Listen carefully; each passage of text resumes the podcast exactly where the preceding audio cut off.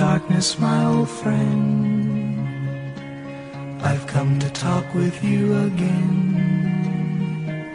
Because a vision softly creeping left its seeds while I was sleeping. And the vision that was planted in my brain still remains within the sound.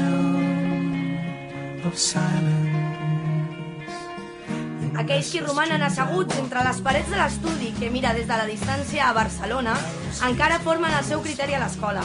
Tenen mestres, a qui professen respecte i a qui admiren professionalment.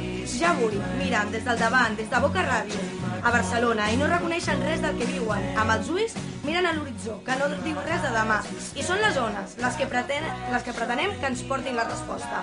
Però això, i tot i la mala època de la lírica, s'agafen de la mà d'aquells que coneixen la ràdio per començar a desplegar les ales. Ens diu Gabilondo que a les armes li demanem que tinguin el menor cost possible. I així ho fem, amb la nostra pròpia veu. De la mà d'Iñaki, Francino, Super Garcia o de l'Olmo, iniciem aquest viatge quasi màgic del so que surt i del so que ens arriba. Sota les premisses d'aquest, esdevindrem un recorregut de gran cromatisme que porti una mirada que ens recordi que aquell qui ens escolta té alguna cosa a dir. Tenim la pràctica, que ara ho inicia tot, i aprenem la teoria, que no desapareix. Teoritzem sobre la pràctica, doncs. Intentarem arribar a ordenar el desastre. Però de res no servirà si no disposem d'alguna cosa sòlida, raonable i capdalt del perquè de les coses. Però és cert, Iñaki, un petit detall abans de començar. És, és precís tenir alguna cosa a dir, però aquesta és una altra qüestió.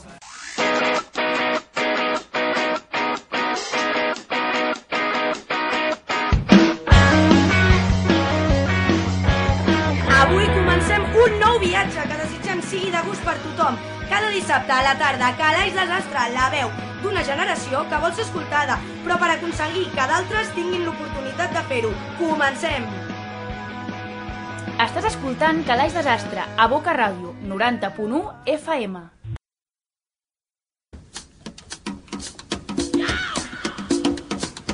La cita amb l'economia no és eludible en els dies que corren. Avui portem Pompeu Nòmics. Ells són estudiants de la Universitat Pompeu Fabra. Estudien Economia i ADEC. Què passa? Que l'economia és notícia, no ens escapem. Veiem notícies cada dia als diaris, no ens agrada, no ho entenem. Però no us preocupeu, tenim aquí a l'equip de Pompeu Nòmics que vindrà a resoldre els dubtes cada setmana per, per poder conviure no, amb l'economia, perquè no li agafem una mica de tírria. Bona tarda, Bernat. Bona tarda, Efe. Bona tarda, Alba. Bona tarda. Doncs avui què passa? De, de què parlem? Estem parts de sentir, de, de parlar de l'euro, de Grècia... Què està passant, Bernat? D'acord, aviam, per parlar d'aquest tema controvertit, jo començaria explicant la breu història de l'euro. L'euro va, fa... va començar a gestar-se fa 20 anys, amb l'any 92, gran any, per cert, per Barcelona... Per tots etcètera, nosaltres que vam néixer. que, que vam aparèixer aquí al món. Exactament. I va començar amb el que seria el Tractat de Maastricht, que és un tractat on es començaven a fer ja les vies cap a una unió monetària. Després, a partir del 2000, ja eh, neix aquesta nova moneda on uns determinats països, no tots, els de la Unió Europea, eh, entrarien dins aquesta nova moneda que, anomenada euro. Aquests països serien els anomenats de l'eurozona. Els primers anys, doncs, mm, va ser el que anomenem eurofòria. Doncs, Ens el- volava l'euro, no? Exacte, molava i els que sempre havíem estat més pobres en comparació als països que anomenem perifèrics, doncs van començar a poder-se nodrir a través dels interessos baixos, a poder-se endeutar i poder doncs, tenir una vida de rics que realment no eren. Què passa? Això va, va arribar a un punt que va patar. La història ja la sabem tots. L'euro molava molt, però ara parlem de Grècia. Què, què ha passat? Grècia, l'euro, i nosaltres no estem tan lluny. Doncs sí, bueno, primer per parlar una miqueta de Grècia, el, lo important és saber on, on estem, d'acord? On està, sobretot, en aquest cas, Grècia. Grècia té tres grans problemes, d'acord? Eh, Grècia, el primer problema que té és el, el problema del deute, d'acord? Grècia arrossega un dèficit durant molts anys, vale? Eh, què significa això de dèficit? Bàsicament que l'Estat eh, gasta més del que ingressa. Per tant, eh, Grècia porta molts anys a gastar més del que, del que ingressa. Això significa que va generant dèficit i que va acumulant deute, d'acord? Per tant, eh, diem que Grècia té una ràtio, que és aquesta paraulota, una ràtio bàsicament és la divisió de dos termes. En aquest cas, la ràtio deute-PIB, producte interior brut, el que genera un país, en aquest cas diem que és un problema, per què? Perquè bàsicament és, un, és impagable, vale? té una ràtio deute-PIB impagable. El segon problema és el problema del dèficit. Eh, Grècia hem dit que té molt deute, però no es carmenta. Grècia segueix gastant més del que ingressa. Significa que encara està generant dèficit, i un dèficit que no és menys preable, és un dèficit del 10%, d'acord? Eh, I el tercer problema és un dels més, també, un, un dels més preocupants, i és que no té competitivitat. Què significa no tenir competitivitat? Bàsicament, que no creixen. L'economia a Grècia no creix. El, el PIB, el Producte Interior Brut, el que genera el poble grec, no creix. Està estancat, fins i tot disminueix. Bé, um, fins i tot el seu sector estrella, el sector del turisme, um, està estancat. D'acord? I què passa? A que mi peri... m'agrada- que Primer, perill a Mykonos. Eh, exactament. I després el que m'agradaria afegir és una cosa que molta gent s'oblida, i fins i tot la gent més entesa en economia molts cops no ho té en compte. I és que quan nosaltres parlem de dèficit, eh, el dèficit és una ràtio, és eh, la divisió de dèficit entre PIB. El dèficit pot disminuir o pot augmentar si nosaltres eh, gastem més o eh, ingressem més. D'acord? O sigui, imaginem, el dèficit pot disminuir si nosaltres doncs, ingressem més i gastem menys. D'acord? Però el dèficit també pot disminuir si el PIB augmenta. Si som més competitius, la ràtio dèficit entre PIB es fa més petita. D'acord? Això hi ha molta gent que ho oblida. I què significa que Grècia sigui menys competitiva? Significa que el PIB baixa. Si el PIB baixa, el dèficit també... El dèficit, perdó, el dèficit augmenta. D'acord? Això és molt, molt, molt important. Bé, hem parlat dels tres problemes que té Grècia. A Grècia té el problema del deute, el problema del dèficit i el problema de no tenir competitivitat. Anem a parlar una mica molt ràpidament de les solucions, d'acord? Les solucions que s'han proposat pel primer problema del deute és la reestructuració del deute. Un altre cop tornem amb les paraulotes econòmiques. Reestructuració, un eufemisme. Simplement Què volem dir? què volem dir? Ahí, vamos al grano, no? Doncs seria, bàsicament, eh, pot ser una quita, que és una quita, una altra paraulota. Avui estem... A mi em sona jugar de futbol. Sí, haurà que lavar-se la boca amb jabón avui, no? Perquè estem dient moltes paraulotes. Quita, bàsicament, és, mira, Alba, eh, jo et vaig dir que et pagaria 100, no? No et puc pagar 100, et pagaré 50, d'acord? Hem fet una quita del 50%. Bàsicament, no te pago, ¿vale? O no te pago... Lo No que me te- mola. No me mola, no, no, Vale. no, no, no ens mola a nosaltres, els socis europeus. Després, una reestructuració també pot ser eh, modificar els plaços. Jo et dic, mira, et tornaré el que tu m'has donat aquest dissabte. Jo t'ho havia dit, això, com m'ho has deixat? Doncs no, t'ho tornaré d'aquí un any. Vale? Això és modificar els plaços. I després també hi ha una altra modalitat de reestructuració, que és bàsicament no pagar-te els interessos. Tu em vas deixar 100 euros al 5%, jo t'havia de tornar... Però això m'estàs posant molt xungo, eh? No, no, no, és molt senzill, Alba. Mira, uh, tu em vas deixar 100 euros, d'acord? El 5%. Molt senzill. Què t'hauré de tornar? 105 euros. Doncs pues mira, com tu estàs anant una mica malament, jo sóc molt, molt benevolent, et diré, mira, no em tornis els interessos, torna'm els 100 euros i mira, així no, per, no, perdo, no perds ni tu ni jo, d'acord? Bé, Bueno, després tenim el segon problema, hem dit que era el dèficit, com s'està intentant uh, solucionar això. Eh, aquí a Catalunya ho tenim molt present, les retallades. Eh, s'estan fent, no, no, les retallades no només són a Catalunya, no només són a Espanya, sinó que també són a Grècia. El poble grec està vivint unes retallades espectaculars, quasi, quasi, quasi surrealistes. Uh, I finalment anem amb el que avui doncs, uh, parlarem més, que és la, la tercera solució que s'ha proposat pel creixement. Què passa si no creix l'economia? Doncs s'ha proposat la devaluació, que és la sortida de l'euro. I ara el Bernat ens parla una miqueta d'això. Això de l'avaluació, de- d'avaluació, déu nhi nois, porteu aquí uns tecnicismes que espero que quan acabem la temporada siguem tots experts en economia. D'avaluació de l'euro, Bernat, Exacte, aquí ve... significa què? Que marxaria Grècia eh, de la Unió Monetària i Exactament. tornaria a la seva antiga moneda? El dracma, sí. De fet, per fer una devaluació, bàsicament ha de deixar l'euro. Perquè necessita tenir una, el, que, el que diem, una altra paraulota, política monetària, d'acord?, pròpia per poder fer devaluació. Què és una devaluació? Aquí ve la cosa. Una devaluació, mira, uh, ho farem amb exemples, que és més senzill. Avui, si tu vols anar als Estats Units, has de canviar els euros per dòlars, i avui diria que està a 1 a 1,25, que significa tu canvies un euro per 1,25 dòlars. Això ens agrada, els que comprem? Aquí està la cosa. Mm, Què creiem que és millor? Que estigui alt aquest número o que estigui baix? Clar, per anar a comprar realment és millor que estigui alt, perquè així, si està, per exemple, a 1,50, tu per un euro tindràs 1,50 dòlars. Si està a 1,70, per un euro tindràs 1,70 dòlars. Per tant, com més alta sigui aquest, aquesta ràtio, com siguéssim, aquest tipus de canvi, perdó, doncs llavors més poder adquisitiu tindrem a l'altra banda de l'oceà. Però nosaltres no estem a l'altra banda de l'oceà. Exacte. Aquí el que passa és um, que, el, és a dir, els productes de Grècia els ven fora, no? Llavors no és competitiva perquè és molt cara, perquè té una moneda que és l'euro que està molt cara. És a dir, si nosaltres anem fora amb un tipus de canvi molt alt, podrem comprar molts productes, d'acord? Però per la mateixa regla de 3, ells podran comprar pocs, pocs productes nostres. Per tant, els productes nostres són cars, amb aquest tipus de canvi tan alt que té.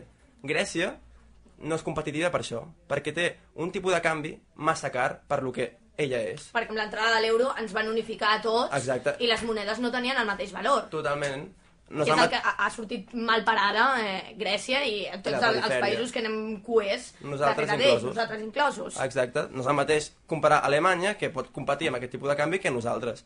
Llavors, què diuen els grecs? Sortim d'aquí. De tal manera que, imaginem-nos que ara de cop i volta baixa el valor. Baixa completament el valor. Imaginem-nos que ara, llavors, a l'altra banda de l'oceà, el canviéssim per 0,50. Es d'acord? donés la situació inversa. Exacte, baixés. Què passa? Per nosaltres pitjor, perquè tot serà molt més car de comprar ja. Necessitem el doble de diners. Però, en canvi, els nostres productes seran molt més barats. Per tant, això és el que fa una devaluació. Que puguis, els teus productes siguin més barats, per tant, puguis exportar, que és el que se'n diu, que és vendre fora, però les importacions et surtin molt cares. Per tant, això és el que faria augmentar la competitivitat de Grècia. I llavors, mm, qui, qui, m'explica punts positius o punts negatius d'aquesta situació? Perfecte, mira, jo t'ho explicaré. Um, clar, tu pots pensar, eh, bueno, si devaluar és un xollo, perquè, si devaluar és un xollo, per què no fa tothom? Doncs hi ha punts negatius. M'agradaria eh, com fer un apunt, vale? Abans hem parlat del dèficit entre PIB, quan, quan referia a dèficit em referia a deute, perdó, vale? eh, això que la gent ho tingui molt clar, que és un error garrafal. Bé, Estem a eh, l'estrena, avui t'ho perdonem. Sí, sí, sí, sí, T'ho sí. perdonem, però que no ho torni a passar perquè Vale, després vale, ens enganyen amb el canvi d'anar a comprar el súper. Mira, molt, molt fàcil, Alba, i així una miqueta ràpid. Els, hi han dos desavantatges, bàsicament. Vale? Tu imagina't eh, que tu tens els estalvis de tota la teva vida al banc. Vale? Eh, et diuen, mira, eh, d'aquí una setmana sortirem de l'euro. I el més probable, evidentment, si surts de l'euro és que no tinguis euros. Vale? Si no tens euros hauràs de crear una, una moneda nova. Clar, eh, hem dit que eh, sortir de l'euro significa poder devaluar. Vale? Si tu devalues, com ha dit el Bernat, ets més competitiu. Què significa? Tu tens tota la teva moneda, tu tens tots els teus estalvis al banc. Si d'aquí una setmana sortiu de l'euro i t'ho tornen amb una moneda devaluada, què significa devaluada? Significa que val menys. Imaginem que han devaluat un 50%. El que tu, si tu tenies 10.000 euros al banc, ara són 5.000 euros reals. O sigui, la teva, el teu poder adquisitiu s'ha disminuït a la meitat. Clar, què passa? La gent pensaria, escolta, jo vaig a buscar tots els meus diners del banc abans de que això passi.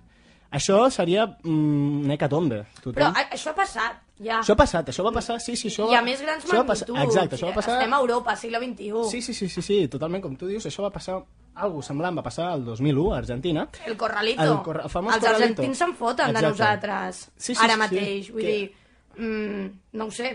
Mm, Sí, i- ah, i- és prou complicat. Qui no? riu Ho últim, riu ho millor. estic començant No, a sí. entendre amb vosaltres, eh? però eh, intento arribar al punt de Argentina que, que no es van enfonsar, o sigui, es van enfonsar, òbviament, no? però magnitud de la tragèdia Bueno, a veure, el que va passar bàsicament és que és el que t'he dit, tothom va corrents al banc a treure els diners, clar... Eh, Hi ha por. Hi ha molta por, bàsicament perquè si, tu, si tu, tothom, eh, tots els clients de la, de la Caixa, per exemple, van a buscar els seus diners a la Caixa, eh, la Caixa, evidentment, no té els seus diners allà dins. Per tant, enfonsen el banc. I si tothom va buscar a totes les eh, seus bancàries els diners, el sistema bancari d'un país és bàsicament el cor del país se'n va a, a Norris, diguem-ne, no? Per tant, el que, el que fan els governs és simplement es restringeixen els diners que tu pots treure, i això és el corralito. Això és el corralito. Tu, en comptes de poder treure el que tu vulguis, eh, diguem-ne, eh, limita la teva llibertat. Només pots treure, doncs, X euros al mes. I després, molt, molt, molt ràpidament, anem amb l'últim, amb l'últim, l'últim, l'últim, um,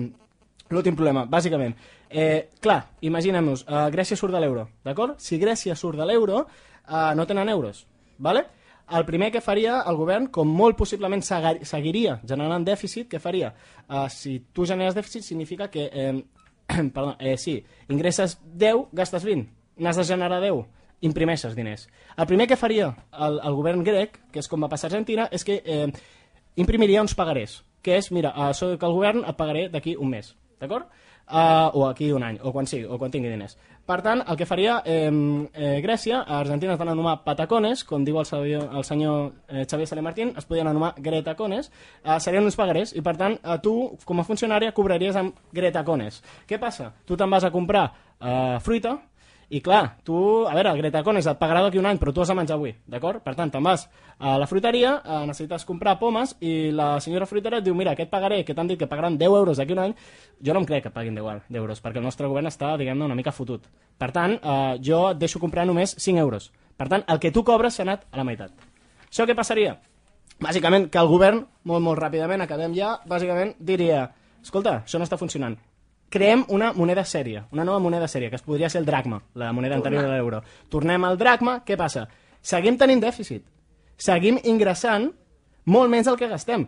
Comença a donar-li a la màquina de fer bitllets, fer bitllets, fer bitllets. Què passa? Ve l'amiga de qualsevol economista, o l'enemiga, millor l'enemiga, la inflació. Aquí ve la inflació. Què passa? Inflació, inflació, inflació, inflació, hiperinflació. Hiperinflació. El que va passar, per exemple, a l'Alemanya dels anys eh, del 1921 al 1923. I això seria un gran problema. Esperarem el desenllaç llavors de la situació de Grècia, a veure si abandonen la Unió Monetària Europea i tornen a la seva antiga moneda. De moment, en dissabte, Eurovisió, nois. Ho sento molt, avui toca Eurovisió, però a vosaltres us esperem la setmana vinent per parlar de Bankia. Hay dinero para rato, ho sabeu, no? Sí. Així que Pompeunomics és notícia. Molt bona aquesta. Pompeunomics és notícia, us esperem el dissabte vinent aquí a Boca Ràdio, Calaix Desastre, amb Pompeunomics. Us, els podeu seguir a on? A www.pompeunomics.com, la web on pengen píndoles informatives, lliçons d'economia per tothom. Mm, No li tingueu por a l'economia perquè Pompeunomics eh, us acompanyen a Calaix Desastre els dissabtes. Fins la setmana vinent, nois. Adéu, fins una altra. Estàs escoltant Calaix Desastre cada dissabte a Boca Ràdio.